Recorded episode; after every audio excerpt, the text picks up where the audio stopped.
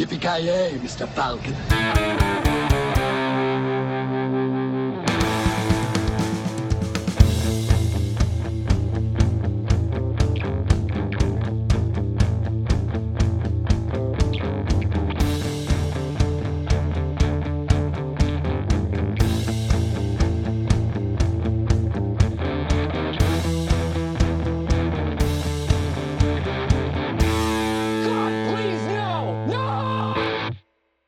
Tjena, tjena, tjena! Välkomna till veckans avsnitt av Filmsmakarna. I det här avsnittet kommer jag snacka om världens näst bästa uppföljare. Givetvis pratar jag om Tron Legacy. I vanlig ordning så är mitt namn Joakim Granström. Från Luleå så har jag med mig Joakim Ovoja. Hur står det till? Eh, ja, jag är fortfarande så ovan att höra filmsmakarna. Jag har alltid börjat creative meltdown, så just det fan, jag har bytt namn. Jag, jag kände samma Ovan. sak, jag var på väg att säga Creative Meltdown Podcast, men jag, jag hann stoppa mig där i sista minut. Sista sekund. Det var samma, samma för mig när jag ledde förra gången. Det är jävligt ovant alltså. Det, har, det är som när man har ett nytt, nytt år och man, man ska skriva å, åratal någonstans så måste man alltid sudda ut det. De gånger man skrev, då, är på den tiden man skrev för hand i alla fall, det gör man ju inte längre. Men, Skriva för hand, vad är det för någonting? Ja, Bläckpenna, nej, vad pratar du alltså, om? Vad fan är det här? Det är något sånt där. Alltså han Eh. måste prata om en fjäderpenna. På min tid var det så här man hackade med en sån här hammare och sån där chisel eller vad det heter. Det var så jag skrev. Ja, men, nej, Hieroglyfer det är väl- antar jag att du använder då. Hieroglyfer. En fågel, en apa och en, vad heter det, orangutang betyder god morgon. Jag kan verkligen, eh, alltså jag ser verkligen fram emot den här tidpunkten när vi slutar använda alltså, skrift överhuvudtaget och bara går tillbaka till teckenspråk eller någonting. Ja, det är väl dit vi är på väg. Ja, Eh, Mänskligheten kommer dö ut, alltså nya kommer börja kommunicera så igen. det är det mest Röksignaler, röksignaler eller något. Jag, jag tänker Banka de mest på primitiva hela teckenspråk. Ja, nej men det, det är väl som vanligt. Så det är ju, ja, inte bra kan man ju inte säga att det är. Lätt Det kunde varit värre helt självmordsmässigt. Liksom. enkelt. Ja, det kan alltid vara värre, men det kan ju alltid vara ofantligt mycket bättre också. Mannen Ja men som det, aldrig det är är härligt att höra att det inte är allt för jävligt i alla fall. Nej, nej, nej. Det är så negativt ska vi inte vara. Yes. Den andra rösten som ni hörde är ju givetvis Carl Nilsson. Hur är läget där Jajamensan. nere i Norrköping? Ja men eh, jag är eh, mannen eh, som är väldigt nöjd I guess. Ni har väl sett den där jävla CP-sången med, eh, som var populär på typ eh, början på 90-talet? SVT? Bolibompa? Ah, Okej, ja, whatever, hur som helst. Jag, jag, jag, jag mår strålande faktiskt. Härligt, jag såg att du hade gjort något inlägg på Facebook om att snön inte ville ge sig. Vad fasiken klagar Nej. du på? Ja, jag vet inte riktigt. Eh, Kan man vara för trött på snön? Ni som är så bekanta med den. Snön för fan, vi har ju, vi har ju vinter i typ ett, tre månader till här uppe eller någonting. Vi kommer, vi, våran snö kommer inte vara borta för säkert, det kommer säkert vara två, tre månader innan all snö är borta. Ja, soft. Minst, fy fan. Fast den har börjat, nu har man ju börjat säga marken i alla fall, Mm. så det är ju... Ja, jag kan glädja lyssnarna som är väldigt ivriga och undrar eh, att snön han smälte under dagen, så det är lugnt. Jaha, okej. Jag kände att folk var riktigt oroade där en Ja, stund. jag förstår nog det. Jag Kan, tänk om Kalle snöar inne här nu och inte kan gå till jobbet eller göra någonting liksom. Exakt, fasiken. Alltså man vet aldrig vart det där slutar. Rätt vad det är så... Rätt vad det är så ser man bara att liksom du har snön har smält in under dörren och så vaknar du i ett hav ungefär. Ja, exakt. Så här, tredje våningen eller vad fan det är jag bor på. Liksom det, det blir så här nya syndafloden här i Norrköping. Ja men alltså ni är ju syndare som fasiken där nere. Ja, det är tur att ni är på högre nivå så att det inte når er riktigt än. Men eh, ni Det är jobbar vi som ju bygger uppåt. arken här uppe. Det är ju här skogarna finns. Ja, just det. Ja, det är Vi väl ungefär den också, teknologin ni är bekanta med tanke på att ni är typ 50 år efter oss. Fast, fan, vi har alla djur här uppe. Men, fast våran båt skulle mest vara fylld med vad det, vad det är, renar möjligtvis, någon älg kanske. Och jävligt mycket hem, hembränt. Så det är två Vojas och två Granström på den här arken än så länge alltså, eller? Ja, så lite björn och Koskenkorva. Hemkört och lingondricka. Låter det inte som så här en bra cocktail eh, för att sätta en eh, björn, Koskenkorva och dig på en båt samtidigt, Mr. Voja? det, låter som du hade uppsett lite såhär dåligt skämt. Ja, det var en björn, en flaska Koskenkorva och en Avoya Alltså jag, på en båt. ja, jag har suttit och sett en sån jäkla massa Eh, typ såhär kort, jag vet inte vad heter det, är TikToks eller vad heter. Nej, jag tror inte att det är sådana Mm. Men bara alltså, korta klipp som jag har sett på typ YouTube och Reddit och sådana grejer. Men folk som håller på med björnar och håller på alltså. Och det, Björnar? ja men alltså typ galna jävla ryssar som har fan björnar som typ husdjur.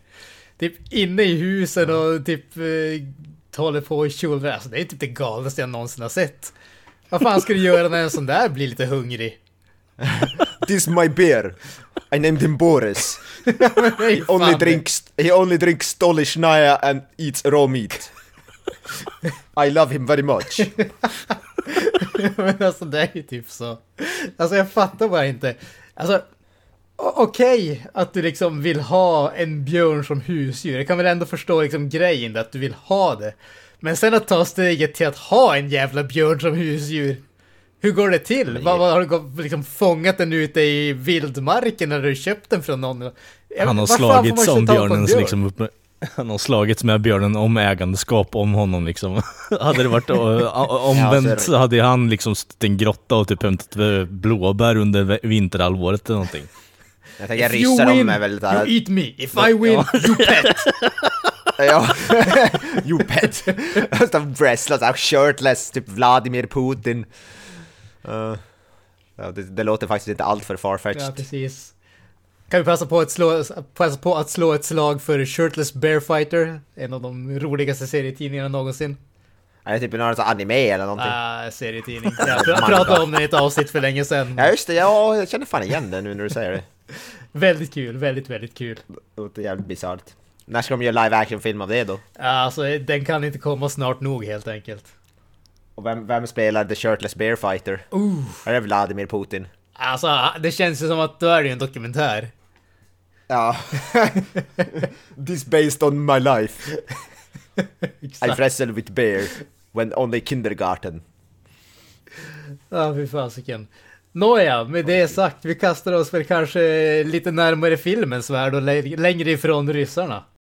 Tron Legacy, Ja, som sagt. Guilty pleasures. Ja, precis. Guilty Pleasures. Det här blir ju alltså den tredje delen i våran eh, Guilty Pleasure-serie och den här gången så är det, det. min tur. Jag har ju då valt givetvis filmen Tron Legacy från 2010.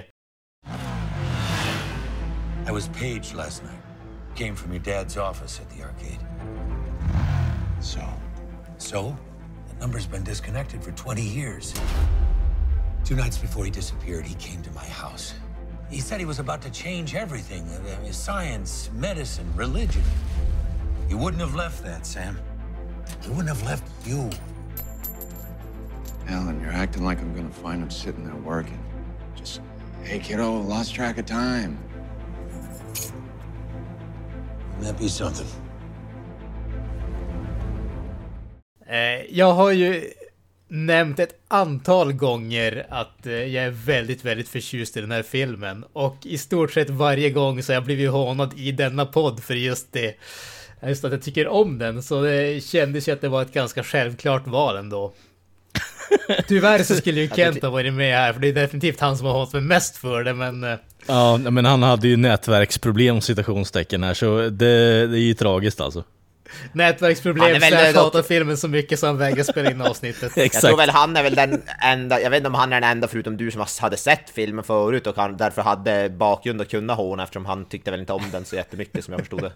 Nej, som sagt, han, Ja, har- jag hade ju aldrig sett den förut ju. Du hade inte sett den? Så. Ja, jag har inte sett den, jag har inte sett första Tron heller för, för den delen. Nej, samma här. Jag kan ju säga att det, det finns ingen orsak att se den första Tron-filmen. Den är inte bra, den är hemsk att se på, den är ohygglig att lyssna på och det kan vara en av de mest huvudvärksinducerande filmerna som jag någonsin har sett i Ja, ärlighetens det är det jag fått, det är det jag fått lite känsla av, när jag ser bilder från den så får jag extrem så migrän typ. Ja, alltså det, Jag får typ det, ont i ögonen. det... Filmens svar på migrän är Tron i stort sett. Ja. Inte en bra film. Alltså, man, man kan se den bara för att eh, liksom ha sett den, men förvänta er ingenting. Men däremot som sagt, Tron Legacy, som jag sa tidigare, världens näst bästa uppföljare. Första och bästa uppföljaren givetvis Aliens, men den här kommer på en tät andra plats alltså.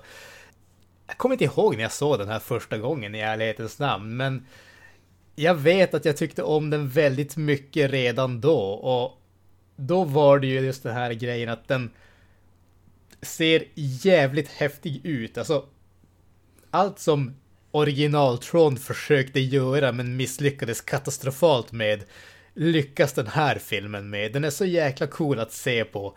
Soundtracket är helt fantastiskt. Blu-ray-utgåvan har ett av de absolut bästa surround-mixningarna som finns på i film alltså. Den, den, låter så jäkla häftigt. Så att för mig så har det varit en audiovisuell upplevelse som jag verkligen har tyckt riktigt, riktigt mycket om. Sen har jag definitivt varit av den åsikten att handlingen, det är ingen höjder handlingen.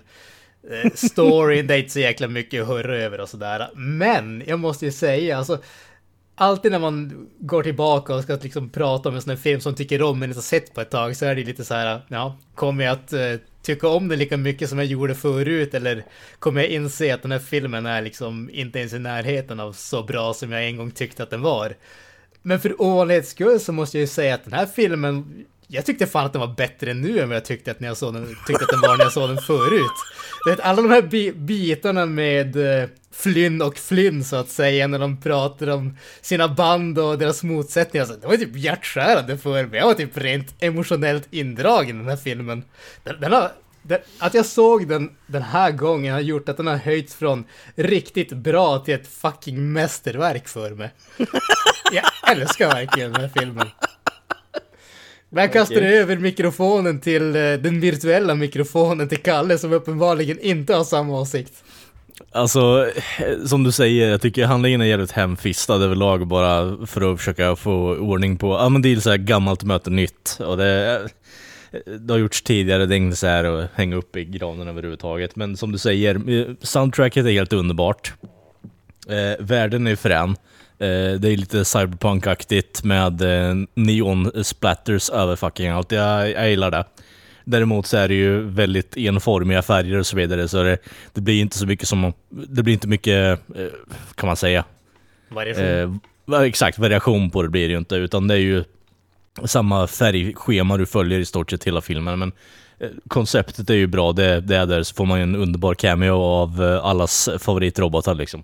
Exakt. Men eh, alltså annat än det så tyckte jag inte att det var så här jättespännande grej. Det var ju så här, eh, små quirks som jag kan tycka stack ut och var lite så här smålustiga som man så här, hade kul åt. Och sen är det ju den här fruktansvärda jävla CGI'n eh, på yngre Jeff Bridges, eller Clue i det här läget. Ehm, um, fuck sake alltså. Jag tror aldrig jag har sett värre Uncanny Valley i mitt liv. Alltså, ser ut som en Pixar, ser ut som en Pixar-film. ser ut som Buzz Lightyear. alltså, nej, men han, ser ut som, han ser ut som människor gör i Pixar-filmer ungefär. Mm. Det är det, och det passar ju inte in i en live action-film för fem öre. Alltså fy fan, han ser, står ut som en sore thumb. Alltså, det, det här känns ju som ett sånt där typexempel där själva utseendet när man ser det som en stillbild ser ändå ganska okej okay ut. Men så fort han börjar prata så syns det så extremt tydligt att liksom allting är bara fel. Ja, det är främst läpparna jag reagerar på och eh, alltså i vissa scener när de står i motsatt, eh, alltså, alltså ehm, eh, eh, luftström liksom, och så kommer alltså, håret åt fel riktning och då tänker man bara okej, okay, det här är dataanimerat utav helvete här nu, de vet inte vad de håller på med.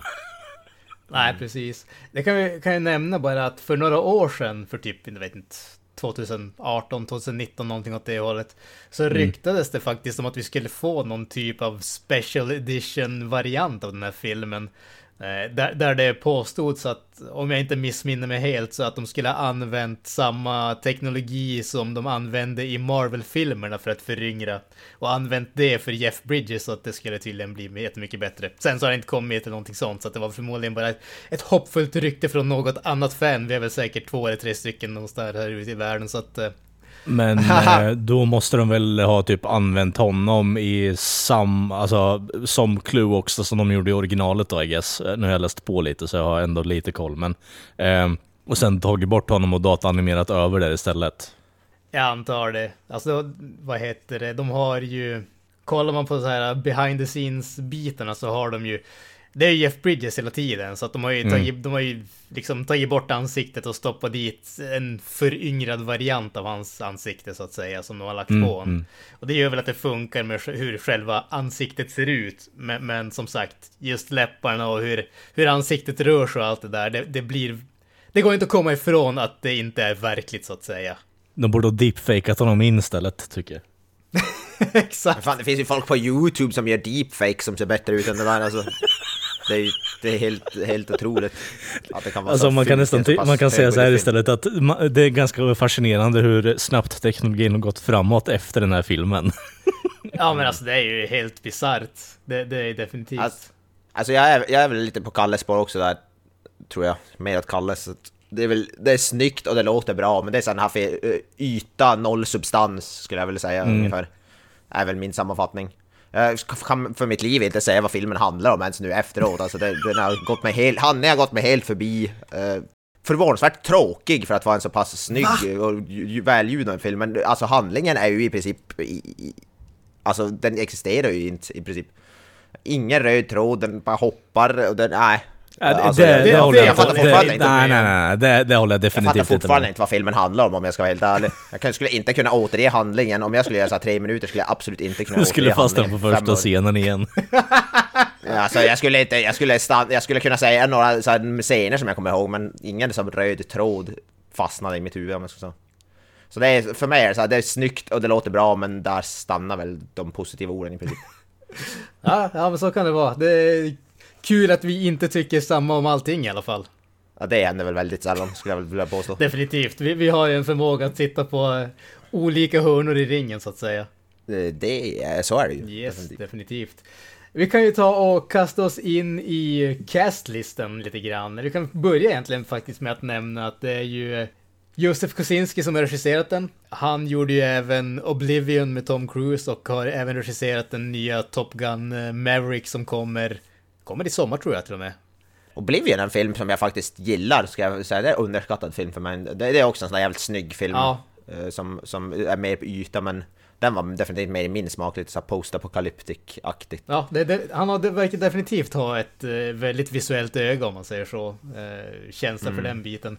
Intressant nog så var det här hans debutfilm och eh, den har tydligen rekord för eh, högsta budget till en första gångs regissör med 170 miljoner dollar. Så det var ju lite, lite in, imponerande, både intressant och imponerande att man skulle ge Alltså någon måste ju ha trott jävligt hårt på hans vision för att ge han de pengarna och aldrig ha gjort en film innan. Han måste ha satt ihop någon sån här pitch, någon sån snygg pitch eller något i datorn på hur han vill att filmen ska se ut eller någonting. Ja, måste, det måste ju vara någon sån där grej. Ja, men jag vet inte fasiken hur han ska överle- eh, övertalat eh, någon att liksom lägga ut de pengarna. Men han lyckades uppenbarligen. Jag kollade på hans IMDB-sida och det enda som står innan det här det är Gears of War Mad World-trailern. Ja, ja just det. Den det är ju en av världens, alltså när det kommer till speltrailers är det ju en av de mest vad heter det, hyllade speltrailers som någonsin har gjorts kanske. Den, den var ju Faktiskt. oerhört populär när den släpptes, men att gå från Mm. en trailer som är till ett tv-spel och är typ, inte vet jag, en minut lång eller någonting åt det hållet, till en Hollywoodfilm med 170 miljoner dollar i budget. Det klivet känns extremt. Han är nog en jävel på snaska task tänkte jag säga. Men eh, Snaskatask! Men den, är, men den där Gears of War-trailern är fan a- awesome. Om inte folk har sett den, den är fruktansvärt bra faktiskt. Han sålde Den sin själ till djävulen för hans eh, talang att snaska ja, task. precis. Han tog eh, Michael Eisners talang i talang, kanske munnen. man skulle Ja, exakt. Jesus Christ. Ja, ja, om vi, om vi Oj. kastar oss in i castlisten då som sagt. Givetvis. Jeff Bridges i, spelar alla roller kan vi väl säga ungefär. Alla roller som är värda någonting i alla fall. Nu ska vi inte vara såna, nu ska vi inte vara såna. Men som sagt, Jeff Bridges, Kevin Flynn återvänder från den första filmen. I två roller i den här filmen som, som nämnt. Dels som den äldre Kevin Flynn och dels som eh, Clue. Och jag måste ju säga att alltså jag är ju... Han är ju en fantastisk skådis.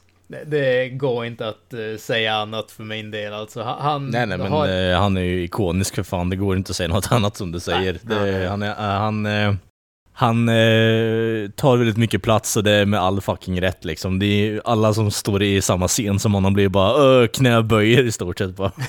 Ja, han är väl den, han är ju den enda i den här filmen som gör något typ av intryck på skådespelarsidan skulle jag väl säga också. Ja, ja på, på det stora hela är jag ändå faktiskt ganska beredd att, att hålla med det där. Även om jag, ty jag tycker inte att det är någon som gör bort sig i den här filmen, men det är inte någon som sticker ut jättemycket heller. Men samtidigt känns det som att hela den här filmen eh, kräver ju någon av Jeff Bridges pondus om man säger så. Det, det är ju han som är eh, grundpelaren som filmen står på. Hade vi inte haft någon som kunde liksom ge liv åt den karaktären och få oss att känna att det här är ändå en allvarlig film så hade ju allting fallit platt. Ja, nej, så är det. Han är ju den enda som kan leverera något typ av... Ja, inte fan vet jag. Ja, som du sa, pondus, eller det- dramatik, Därför tycker lite jag att den här, seriositet. den här filmen blir så konstig i så fall också om det här är tänkt att föra över flack, facklan, ni vet. För, för huvudkaraktären är är hans son som ska liksom porträtteras. Eh, Han har ju fan ingen karisma överhuvudtaget som är alltså nämnbar överhuvudtaget, tycker jag i alla fall. Han, han ser ut som ärketypen, så här Hollywood. De säger som att, att en dator har satt ihop en, så här, en AI, så här, random Hollywood hot guy. Alltså som att de har ta, tagit alla och så här stoppat in. Alltså, han är så här, no name, no face. Alltså, fast, alltså inget är ont mot, vad heter han, Garrett, Garrett Hedlund, Hedlund. ja. Det känns som en sån här Var- MFM var anonym. eh, eh, på Craigslist som han har svarat på eller någonting. Alltså, men det känns som en sån där fake-bild man lägger, någon lägger upp för att typ fisha folk. Typ random Hollywood hot guy, no name. Alltså- Alltså, Jag, jag, tycker ändå att, jag tycker ändå han är okej. Jag tycker, han, som sagt, han lämnar inte något jättestort avtryck, men det är inte så att han, eh, han gör bort sig eller någonting åt det hållet. Men sen ska jag säga att det, det som jag slogs på, slogs av kanske man säga, slogs av mest när jag såg den här gången, som jag inte har tänkt på tidigare, hur mycket Hayden Christensen-vibbar jag får av honom. ja, det är ju inte det mest lovande. Nej, men jag, jag är beredd att skriva under på det faktiskt.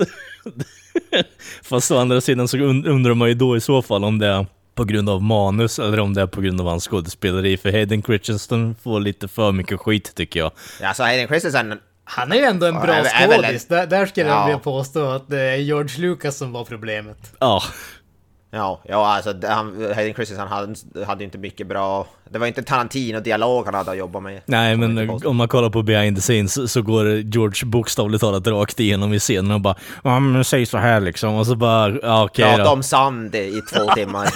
och, och hur det känns under fötterna. cracks!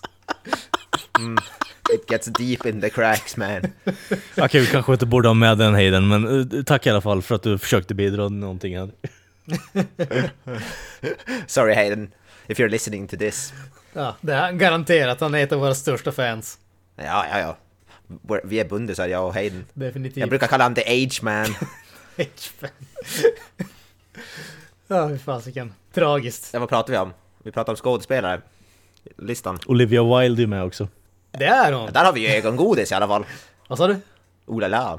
Hon, hon är ju en looker i alla fall. Kan jag säga. Jag tycker hon har ju, hon har ju lite Ja, sådär hon ju kul bä- personlighet i den här filmen tycker jag Ja, ändå. gör ju bättre Ja, hon har mer skådespelarinsats personlighet än än- huvudskådisen för fan. Ja, ja det är hon definitivt. Men hon, hon är ju en bra skådespelare och jag tycker hon oftast är bra i det hon, hon är oftast stabil. Jag, må, jag måste erkänna att jag har jävligt dålig koll på hon alltså. Och jag kommer ihåg att hon var med i typ något avsnitt i eh, The OC, typ början av 2000-talet där. Och sen är det i stort sett ett svart hål för mig fram till, vad är det, typ två år sedan och sånt där, då hon gjorde den där, uh, hon regisserade den där filmen som fick ganska bra kritik. En sån där typ tjej-komedi. Så, så helt stilla Jag vet, ja, men jag, jag vet bara att man sett hon är då och då. Hon är med i den här filmen Her bland annat med Joaquin Phoenix. Så där har hon rätt okej, kommer jag ihåg. inte och sett så vidare. Så, eh, det är en riktigt bra film, kan jag, kan jag rekommendera. Jag vet att Kalle gillar den. Ja, den är jävligt bra faktiskt.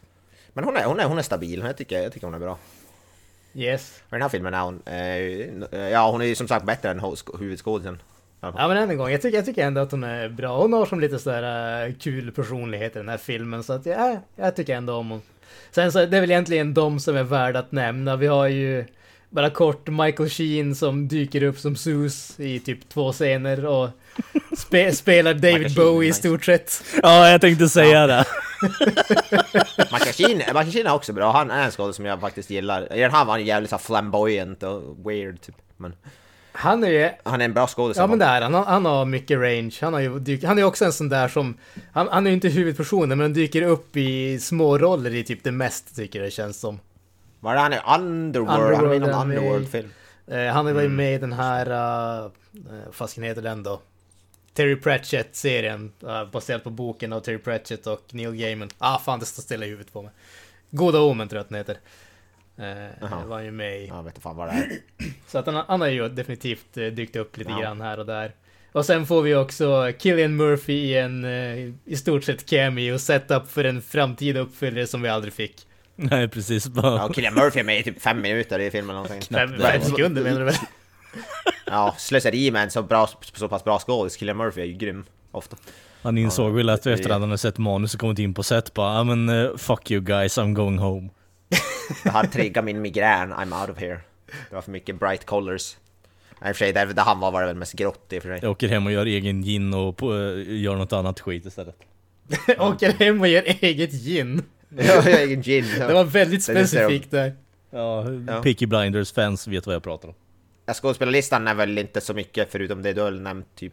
Nej, alltså det, det, De flesta. det är ju de som är eh, de stora namnen i filmen. Mm. Och jag skulle säga att eh, det är egentligen ingen annan som jag ens kände, som jag ens kände igen.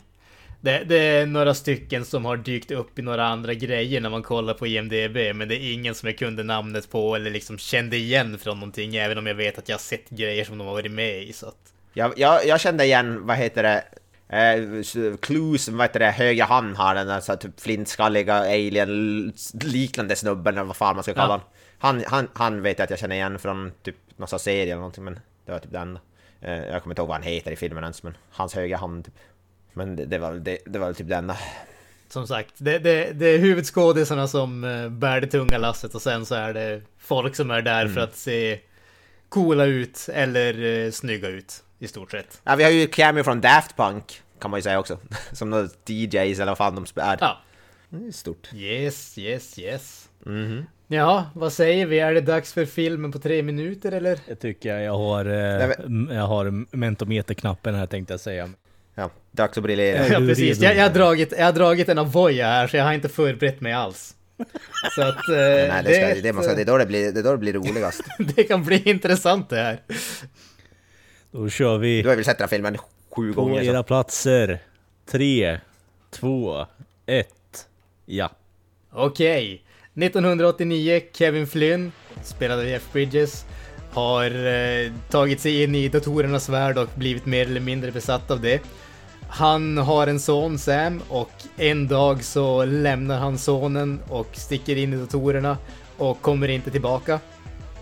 Sonen blir föräldralös, företaget Encom som han styrde lämnas åt uh, the board of directors så att säga. Sen så klipper vi till 20 år senare. Flynn är fortfarande försvunnen. Sonen har vuxit upp till en rebell om man säger så. Han är fortfarande liksom största aktieägaren i företaget men eh, han har ingenting att göra med det utan han är mer bara där för att typ retas med dem i stort sett. Företaget har gått från att vara ett eh, företag som kämpar för informationsfrihet och så vidare till att vara typ Microsoft och Google där pengar är det som det enda de bryr sig om i stort sett. Och den kvällen som de ska släppa sitt nya operativsystem och noteras på den japanska börsen så sticker Sam, sonen här alltså, han sticker, han smyger sig in i deras högkvarter, hackar sig in i deras eh, datacenter och släpper ut eh, operativsystemet på internet helt gratis. Han blir arresterad och eh, blir eh, utbailad av Alan, eh, whatever han heter. Hans farsas, hans farsas kompis som säger att han fått ett meddelande på sin pager från honom. Så han sticker till hans farsas gamla, vad ska man kalla det, gamla tillhåll, kontor. Mancave. Ja precis, mancave och hittar en dator som är eh, gammal och grå utsliten i stort sett. Och startar upp den och lyckas på något sätt transportera sig själv till eh, The Grid, datavärlden i Tron helt enkelt. Han hamnar i ett gladiatorspel, eller vad man ska kalla det där, där han måste slåss för sitt liv. Och han blir rejält sopad av en karaktär som heter Rinsler, men de upptäcker att fan han blöder ju, vilket innebär att han är inte ett dataprogram, han är en människa, en user, så han tar sig upp till Clue som är då en avbild av hans pappa som är skapad för att styra hela det här systemet. Men det visar sig givetvis att Clue har vänt sida, han är ond nu och vill helt enkelt döda Sam. Så de kör en light cycle race och eh, Sam förlorar mer eller mindre, han är på väg att bli dödad, men han räddas av Cora som är 30 en... eh, Shit. Eh, han räddas av Cora, de sticker till fly... Flynn som de har lite filosofiska debatter, debatter med och både pappa och son Flynn är besvikna på varandra. De sticker därifrån för att ta sig ut genom en portal helt enkelt för att ta sig tillbaka till den verkliga världen. Eh, det går inte så det är jättebra, folk dör. Tron kommer ihåg att han är Rinsler, eller tvärtom, Rinsler kommer ihåg att han är Tron. Och så slutar det med en stor häftig eldstrid och så är filmen slut. Jag gillar hur du gör nära mig när jag spenderar för mycket tid på detaljer och så gör du exakt samma sak. Det tyckte jag var komiskt. Ja men jag säger samma sak som jag sa till dig. Om jag hade haft 15 minuter på mig så hade det här varit ace. Ja, exakt. Det, du ser, det är inte så jävla lätt om man inte förbereder sig. Det är inte... Pull it out of your ass. Redemption time! Åh, fy fan. Vi kastar väl oss in i lite, lite senare helt enkelt, eller vad säger ni grabbar? Absolut. Mm.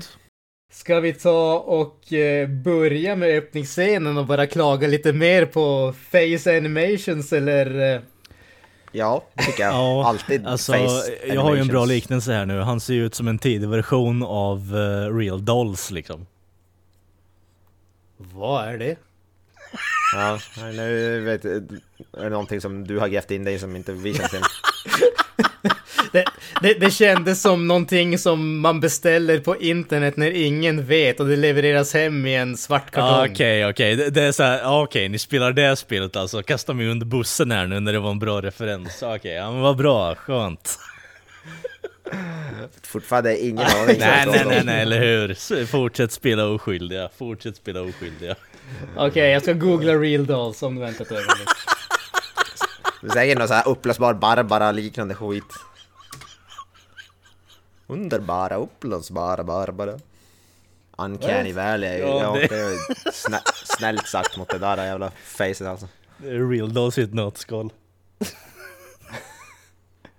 Ja, nu gräver sig i gasen ner så i något träsk. Ja. Granström lägger in beställning redan nu. Ja, definitivt. Alltså... Ja, alltså, du har, fa- du har, du har fan helt rätt alltså. Du har definitivt helt rätt. Det... det, det alltså, det, alltså, jag vill se en sån där på riktigt bara för att se hur uncanny valley det egentligen är. Ja, alltså... det- jag vet inte riktigt. Liknelsen där är ju att det ser jävligt plastigt och liksom så här latexbaserat ut. Om man ska dra det på en mer teknisk nivå. Eh, det är någonting med animationen på läpparna alltså. Det, jag vet inte hur jag ska sätta fast det, men det är som att det går i typ mikrosekunder när han ska börja prata. Liksom. Det går skitsnabbt istället för att det är så här naturligt och flyter på liksom. Ehm, jag vet inte om ni hade samma tanke där? Jag tyckte snarare, jag hade nästan tvärtom tanken. Jag tänkte snarare tvärtom. Jag upplevde ty typ att läpparna rörde sig för lite, alltså de rörde sig typ långsamt så att det kändes som att han sa en grej och så en halv sekund senare så var det som att eh, då började han säga med ansiktet så att Ja. säga. Jag upplevde det snarare så ja. Jag vet, det var någonting, det var svårt att sätta fingret på men det är någonting som bara...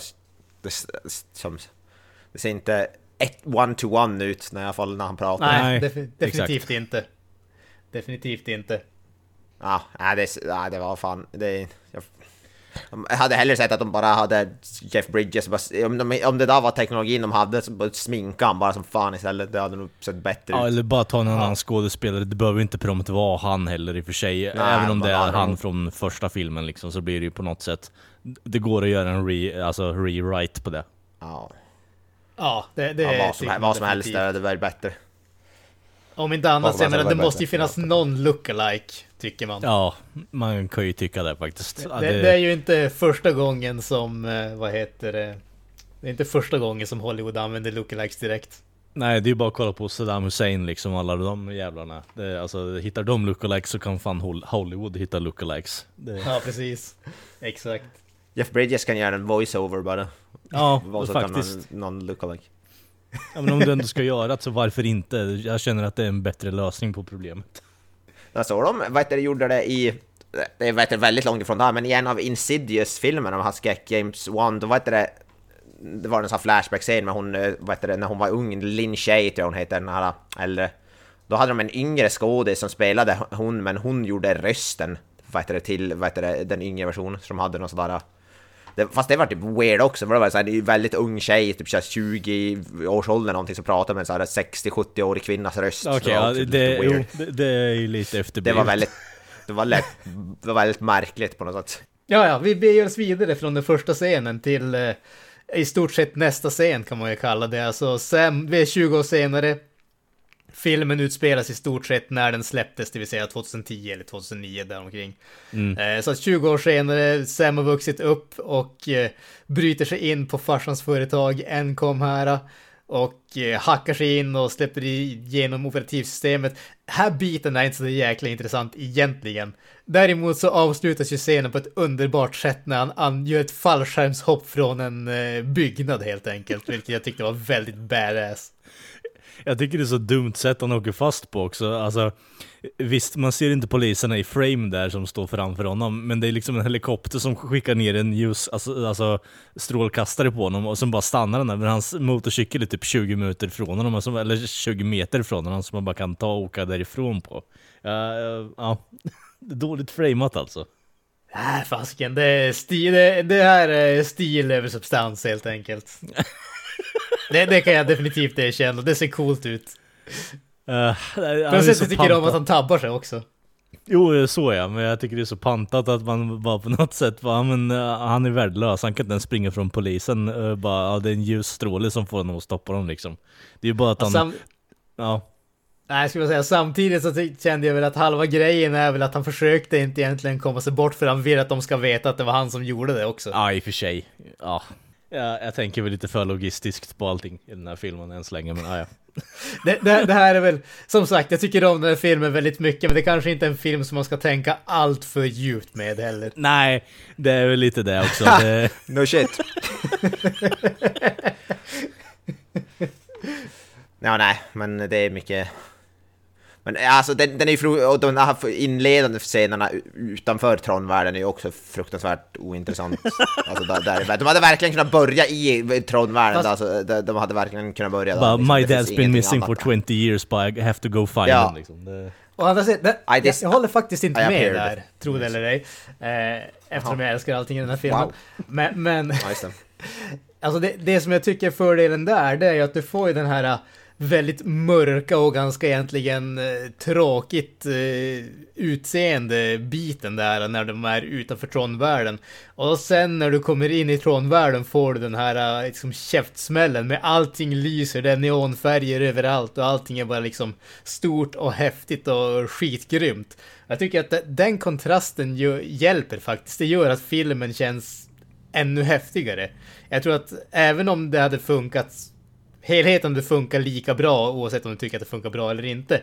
Men helheten hade varit samma om man hade börjat inne i själva the grid. Men du hade inte upplevt det lika häftigt som du gör det när du har börjat utanför. Det Så här, vi måste börja jävligt tråkigt och grått och trist så att vi, vet du, så att vi kan faktiskt få någonting som är lite Vi intressant. måste börja som en David Fincher-film. Ja, nej, det är så här, David Finchers B-copy movie. ja, David Finchers eh, liksom avdankade bror liksom som försöker kopiera eh, typ Snatch. Robert Fincher eller Max Fincher, någon sån där lillebror som försöker vara lika cool. Jag, jag, jag, Jag kan jag, också. jag ser framför mig att brorsan heter Steve Fincher, men han döpte om sig till Max Fincher för att han ville one-uppa lillebrorsan där, eller storebrorsan när han skulle till Ja, Hollywood. just det.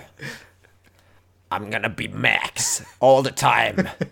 Ja precis, bara jag ska döpa om mig själv till Max Power liksom. Jag var på väg att göra samma skämt. det ska vara mitt porrfilmsnamn. Det var det som var Max Homers Power. slutgiltiga plan. Ja precis. He's the man with the name you love to touch. Oh, Jesus. Nej men eh, fan, det, det känns som att det är mycket kopplingar till typ Ro Robocop och liknande också med den här dystopi, dystopiska framtiden och så vidare. Det- Jag vet inte riktigt om ni kopplar det också med på företagsscenen där liksom. Alltså det, det är ju definitivt, ja alltså Företagsscenen får man ju definitivt vibbar av den här boardroom-scenen i Mm. Robocop direkt. Men, men alltså det är just den här, äh, biten att företaget har verkligen gjort en hel omvändning där. Det, det känns ju väldigt of the times också. Det, här, det här att man trodde att okej, okay, alla de här uh, big tech så att säga, de, de brydde sig om oss.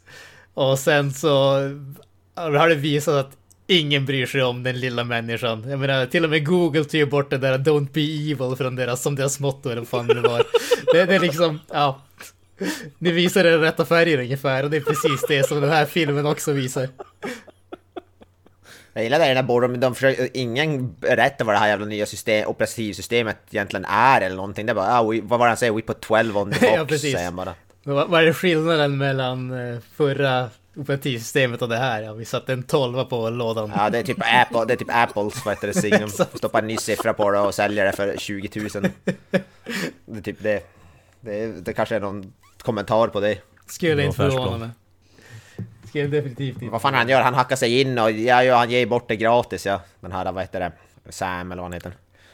Ger bort hela operativsystemet gratis till alla. Precis. Och spelar upp, vad fan är det? De, de får upp en video på hans hund som står själv. Ja, precis. Precis. Mm. När de ska skicka ut fienden. Det är ju som sagt, det, det, är ju samtidigt som de ska lanseras på japanska börsen och allting sånt där. Så det är ju typ att väldigt mycket står och faller på, på just det här. Sen, och han är ju där för ett jävla Så kör de en, vad heter det? 180 och säger bara nej, säg, säg att det var vad heter det, med meningen, att, vi, att det var vad heter det, med flit vi släppte gratis. Ja, som en gåva eller något sådär. Precis. Man kan, aldrig, man kan ju såklart aldrig erkänna att det, man har, att någonting har gått fel. Corporate speak.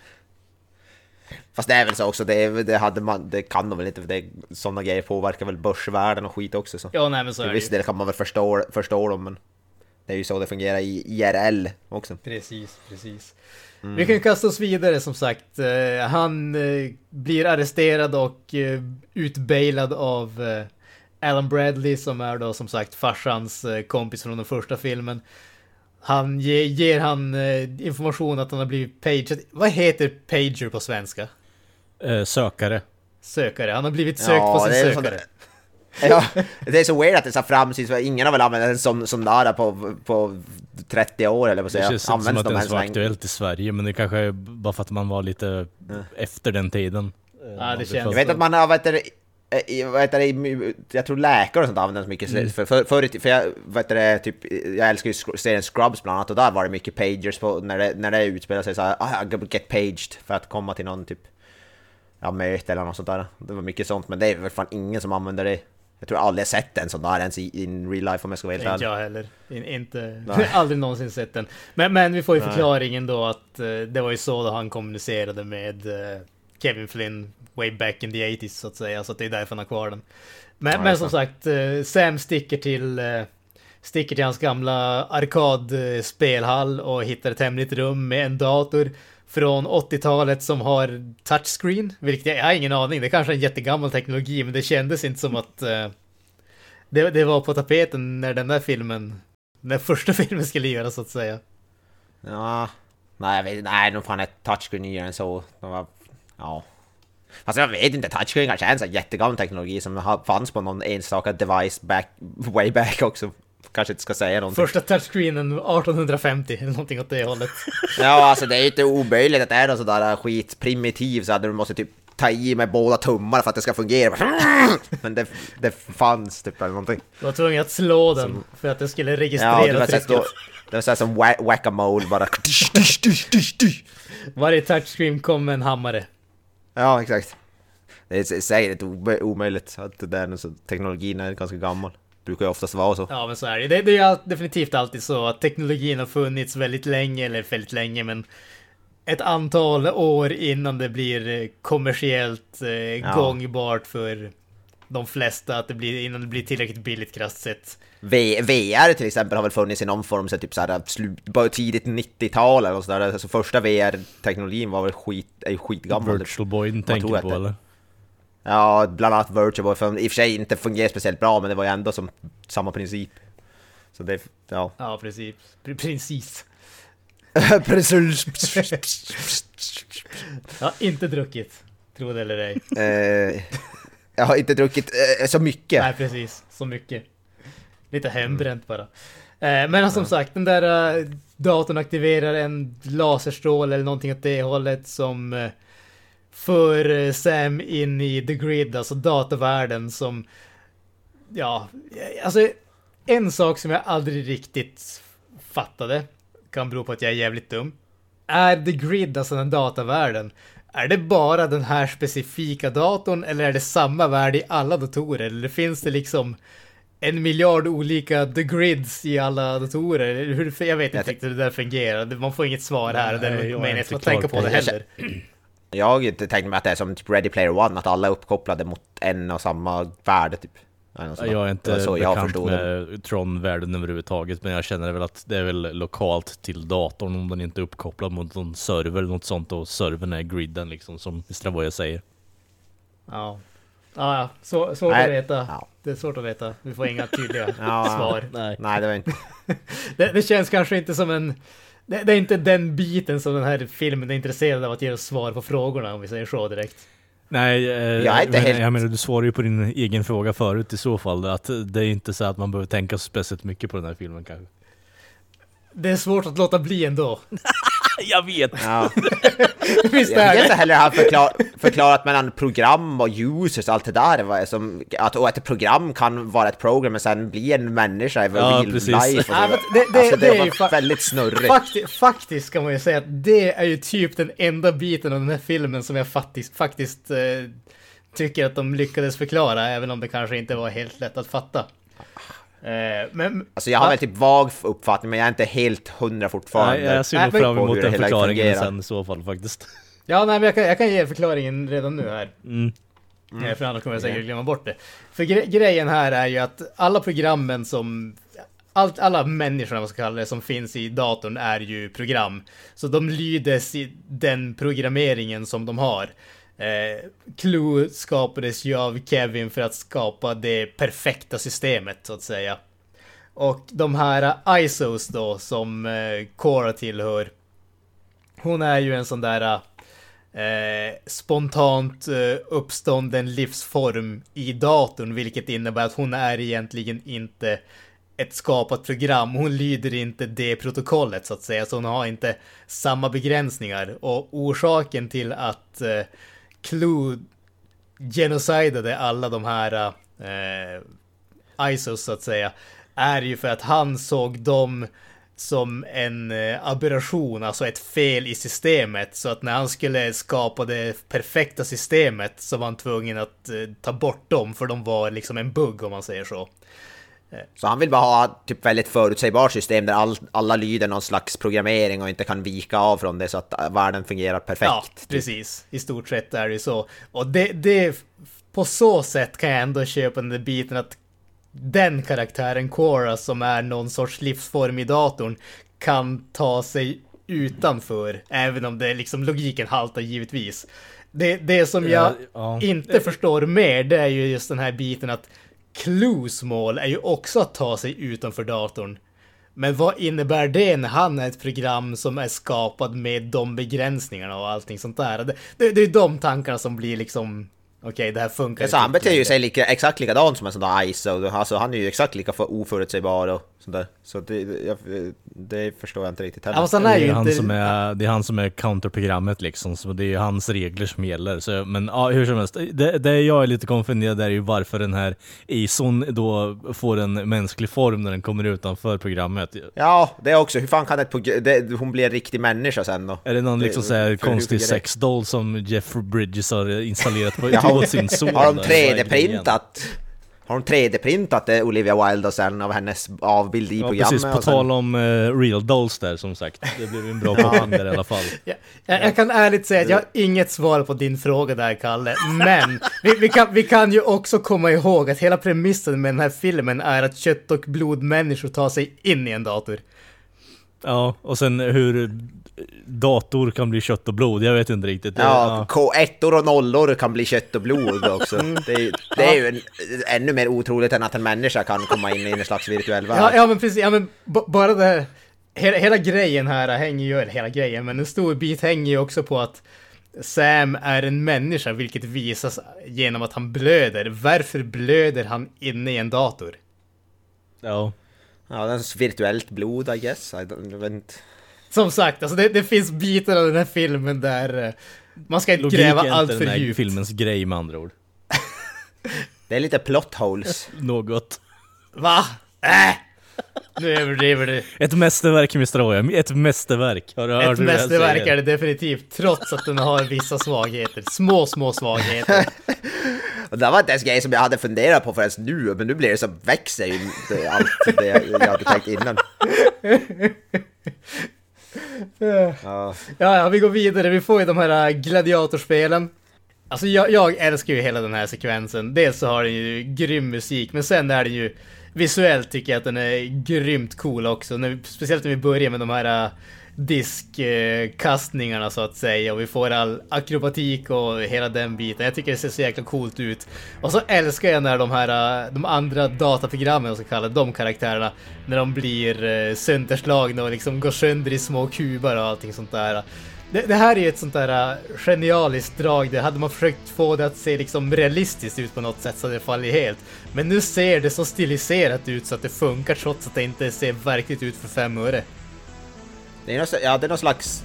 De har blandat kampsport och diskus. Äh, typ, där de slåss. Det är någon sån här weird match. Ja. Det är som om man, man har tagit någon di, vad heter diskus från, vad heter det?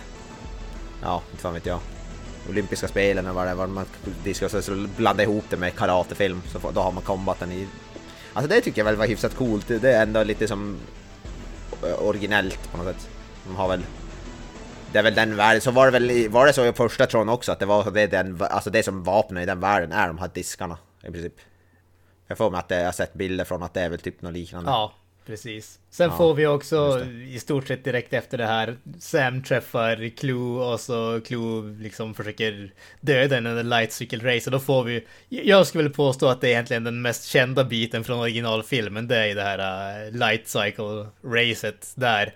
Som liksom allting annat i den filmen ser helt förjävligt ut men här är typ hur jävla coolt som helst. Enligt mig. Den scenen är, ja den är ju snygg, den är cool, även om det, är- det är lite så här att man är svårt att hänga med riktigt överallt vad som händer. Det är jävligt mycket som händer på en och samma gång, men det ser ju jävligt coolt ut. Det, det, Jag gillar den här effekt, effekten när de bara tar fram också, när de håller den där handtaget så kommer det fram ur, ur tomma intet, kommer en motorcykel fram. Det tyckte jag var väldigt coolt Ja, faktiskt. det, vi får ju den några gånger i den här filmen.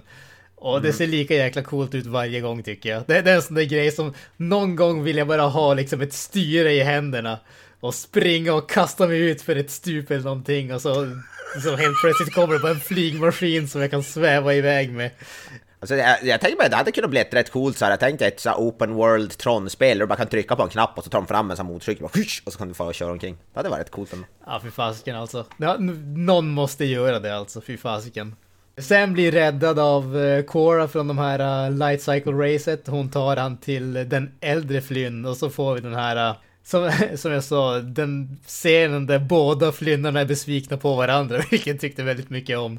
Sonen är besviken för att liksom farsan inte vill kämpa emot uh, Clue längre utan står, har ställt sig vid sidan om allting och farsan är besviken på att eh, ungen inte har gjort någonting av sitt liv och egentligen bara försöker vara en tumme i nageln på en Tumme i ögat. tum- tumme i ögat, yes.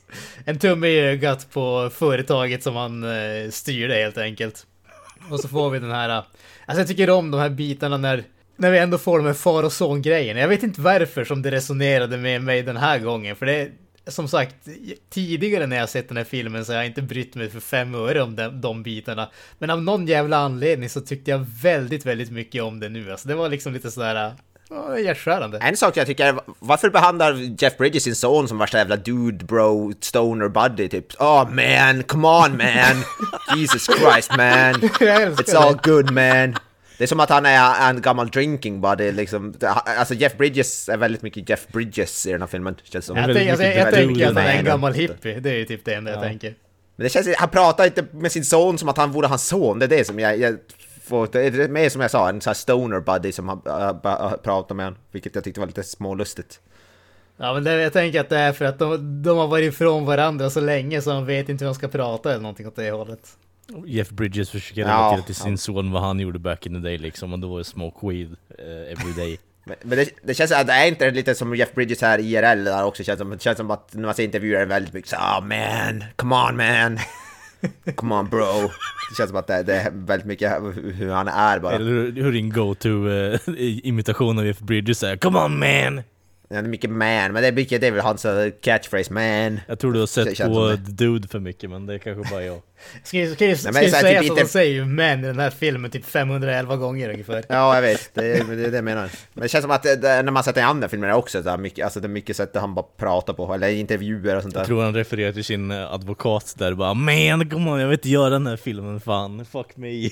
Yes, ja men du, vi går Alltså- vidare från den här scenen. Mm. Vi får, eh, som sagt, Jeff Bridges har sagt åt uh, ungen att han vill hålla sig borta från allting. Uh, det finns en uh, portal genom vilken både, de båda kom in och den håller på att stängas och Sam måste ju ta sig till portalen för att kunna öppna den och ta sig hem igen helt enkelt. Så han bestämmer sig för att ignorera farsan och sticker till en nattklubb styrd av uh, spelad av Michael Sheen. Och vi får ju den här uh, cameon som sagt av Daft Punk. Vi får en uh, extremt eh, flamboyant Michael Sheen här som... Alltså det här är väl typ den enda biten där jag verkligen känner att någon har vridit upp det till 10 och det är inte Jeff Bridges. Så att säga.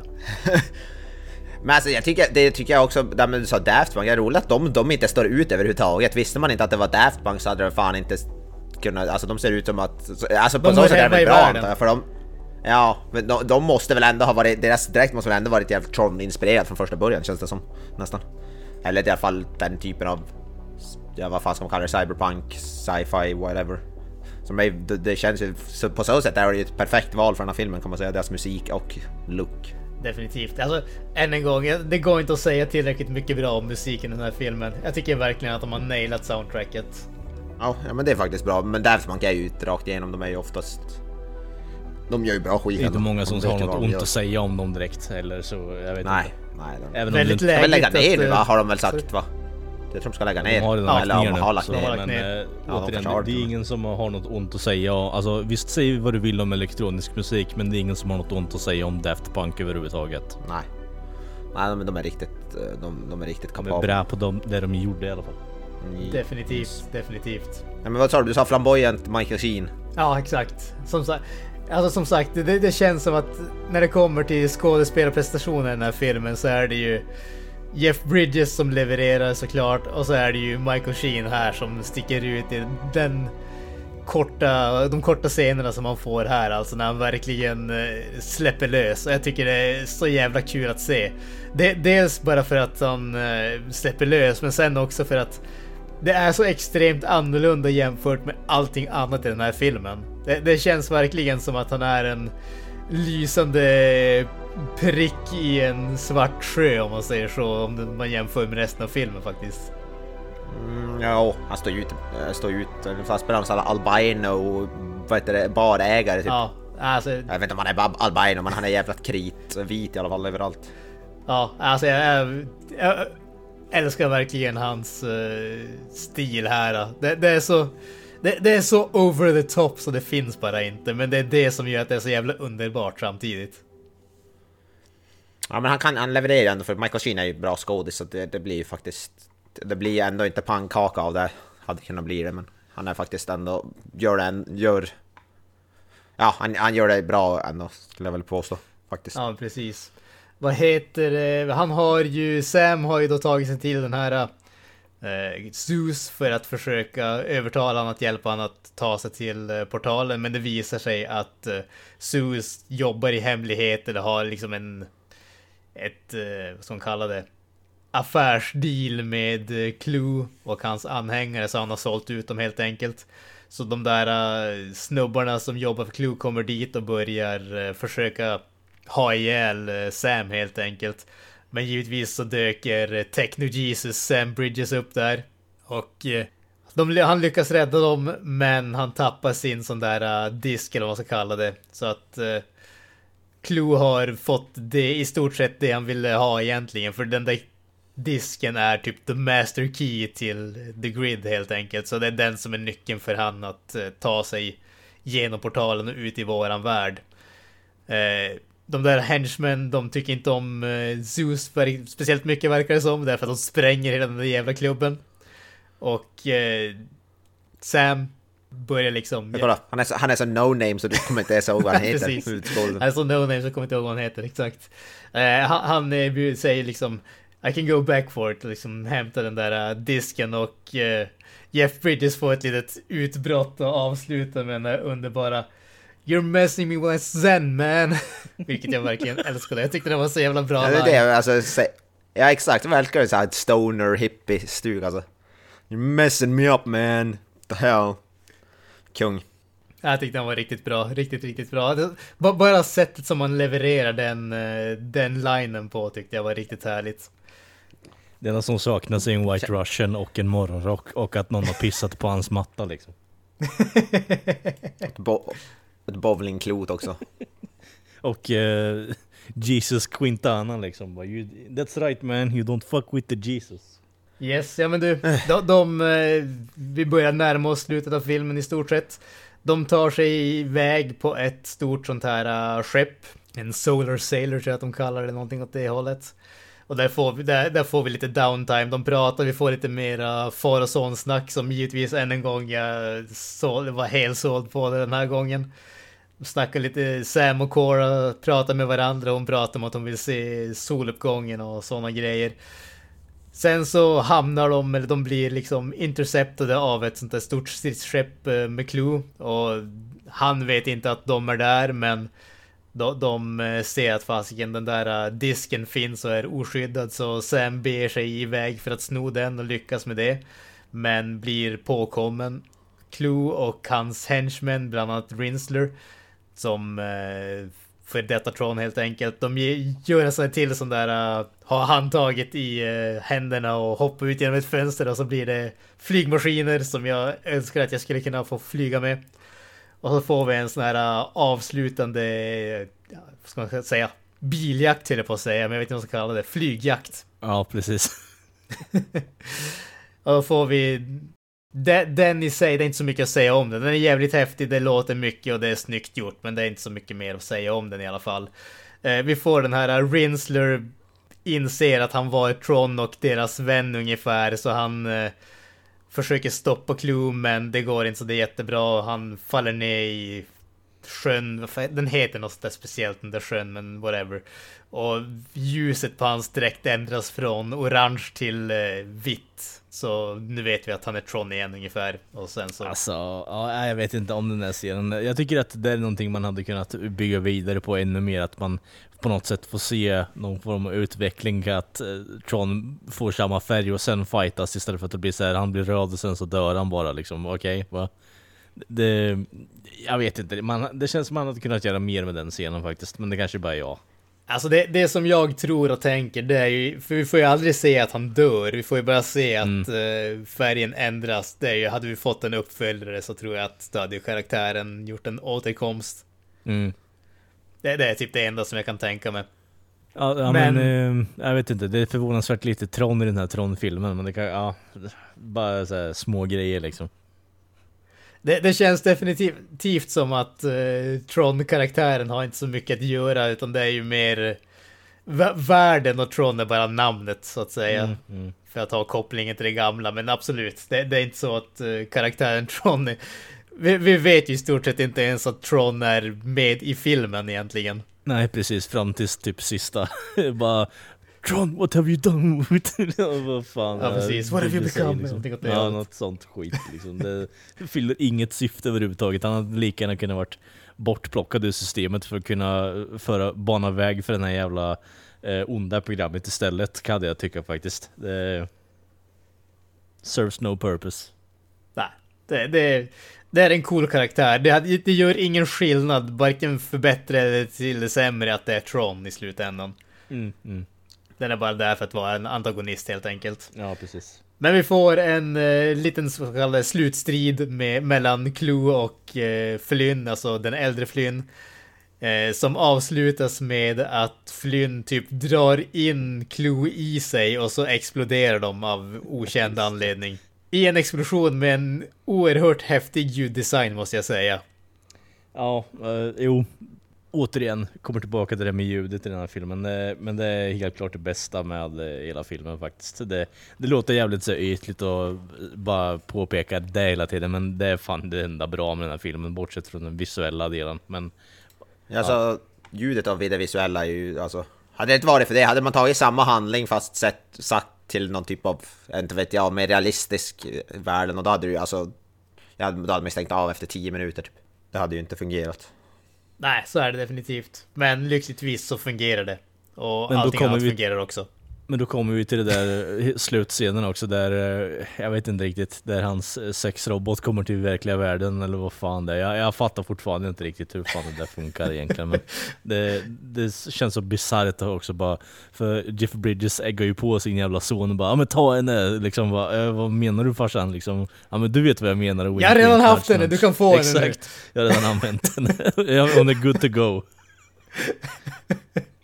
Nej, alltså än, än en gång. ju- Just det här äh, så, saker som förs in och hur det förs ut. Det, det är inte så det klart i ärlighetens namn. Och, det, det, det, det känns som en sån där grej som man behöver bara köpa. Man får bara köpa det helt enkelt. Eh, Jag, jag tycker den biten funkar. Eh, Jag, jag, liksom, jag stör mig inte. Jag stör mig inte mer på att hon tar sig ut än jag stör mig på att eh, Sam och Kevin tog sig in, så att säga. Det, det, Nej. Antingen köper man det eller så köper man inte det. Jag, jag är med på det. Det är bara att det, jag står här kvar eller sitter i dagsläget med en jävla massa frågor obesvarade. Det, det är mer det.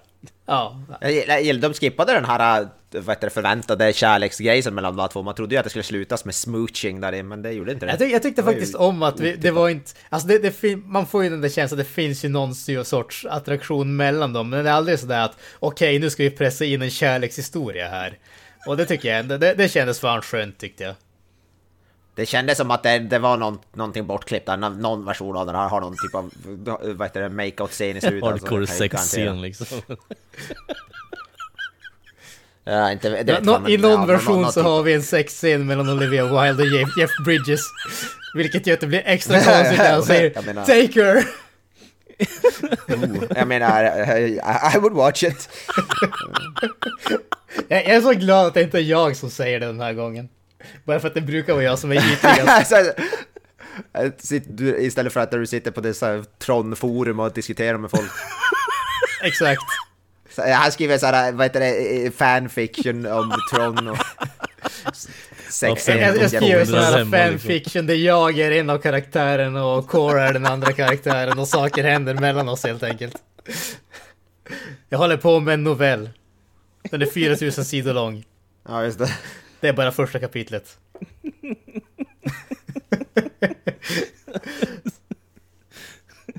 Man ser ju fram emot klimaxet där liksom.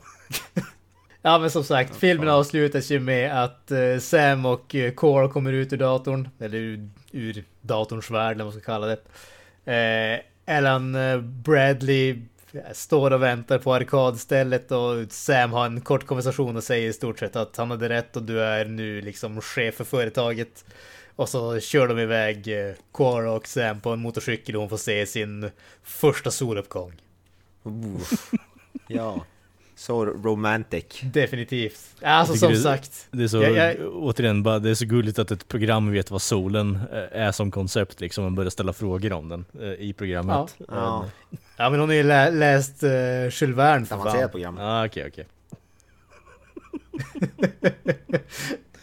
Jag känner mig som en jävla asshole som sitter och nitpickar en massa skitgrejer som egentligen inte spelar någon roll men som jag sitter och tänker på att varför de inte ens tar upp överhuvudtaget liksom. Alltså som sagt, alltså, jag, kan förstå varför folk inte tycker om den här filmen. Det, det liksom, det finns uh, plot holes galore så att säga. Du skulle kunna köra ett jävla solar ship uh, genom den plot holesen. Men, men alltså än en gång.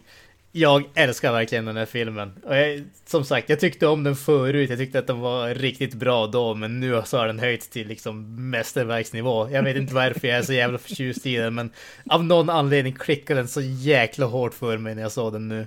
Jag menar, det är, jag fattar det. Så här, vissa filmer är, är ju svårt att förklara varför man tycker om dem. Men eh, jag vet inte, det var inte, det var inte riktigt min grej. Jag, jag hell, rör nog hellre på någon form av uh, Daft Punk-spellista istället faktiskt och går Go About My Day istället. Så kan det vara. Avoya, några avslutande åsikter om filmen? Eh, jag tyckte den är helt okej. Eh, det, det var som, som, nästan lite som jag hade förväntat mig. Det är yta, men ingen substans. Det var som jag sa i början. Men jag tycker nog det här Joseph Kosinskis andra film Oblivion den skulle jag, är nog den jag föredrar av hans film i alla fall. Men eh, jag tyckte det var eh, maffig att se på, alltså ni, nice film att se på bi, vad heter det, hemma bion. Det ska jag väl eh, påstå. Eh, men ja, äh, jag var inte... Jag, det, var- jag var inte super... Alltså för, eh, så här, betygsmässigt så är det typ en så här 6 av 10 för mig eller sånt där. Skulle du Alltså, rekommendera det- det- att folk ser den eller är det liksom... Ja, så tycker, har du, har du bara en laptop eller en mobiltelefon så skulle, då kan du skita i det. Men har du en rätt maffig bi, hemmabio med hyfsat, då är det, kan det vara värt att se den bara för den visuella och så, biten och så, och så vidare. Och ljudet och så vidare. Men har du bara en liten laptop eller en mobil så då kan du skita i det, då är det inte värt det. Den, den är inte så pass bra att man får ut någonting av, av att se det på en liten bild, tycker jag inte. Det, är inte som en, det, är det är inte som en typ eh, sitcom där du kan bara, ah, jag kan bara se den på mobilen för det spelar, spelar ingen roll. Ja. Det, då, då är det inte värt det, men har man en bra storbild och sånt där, då är det definitivt värt att se det bara för den. Det är lite som de har typ Transformers som är typ inte speciellt kanske bra filmer, men som, ser, som är jävligt maffiga och bra, bra för att testa equipment. Jag vill att de gör ett Tron the Sitcom härnäst liksom, se om det slår. jag bara i Tron-världen, men det är typ bara så här, uh, typ Honey I'm home! Ja precis, det är såhär George Costanza får omkring i griden här liksom och... Ja, och Se- Seinfeld, Seinfeld kommer och bara klagar på, jag inte fan vad det är, ja allt i princip, han klagar väl på allt. Why are we blue? Det är lite som det här konceptet som de gjorde med Wa- WandaVision, när de gjorde en sitcom fast i Marvel-världen med superhjältar. Det är typ samma, samma Ja, koncept. precis, precis. Ja, ja. Ja. Med det sagt Ja, typ grabbar det. så lämnar vi den här filmen och eh, säger tack och adjö för det här avsnittet. I vanlig ordning så hittar ni oss på sociala medier, Facebook, Instagram, Twitter. Är ni sugna på att få kontakt med oss så är det lättast att lämna oss meddelande antingen på Instagram eller Facebook. Vi tar emot kritik, vi tycker om eh, åsikter, vi tycker om rekommendationer för filmer som vi inte har sett, bisarra filmer, konstiga filmer, allt sånt slukas med hull och hår. Har ni några avslutande ord? Eh, Jag säger väl eh, peace out! Eh, jag så vill... Uh, bye bye. Och jag säger Hail Satan. That's it, man. Game over.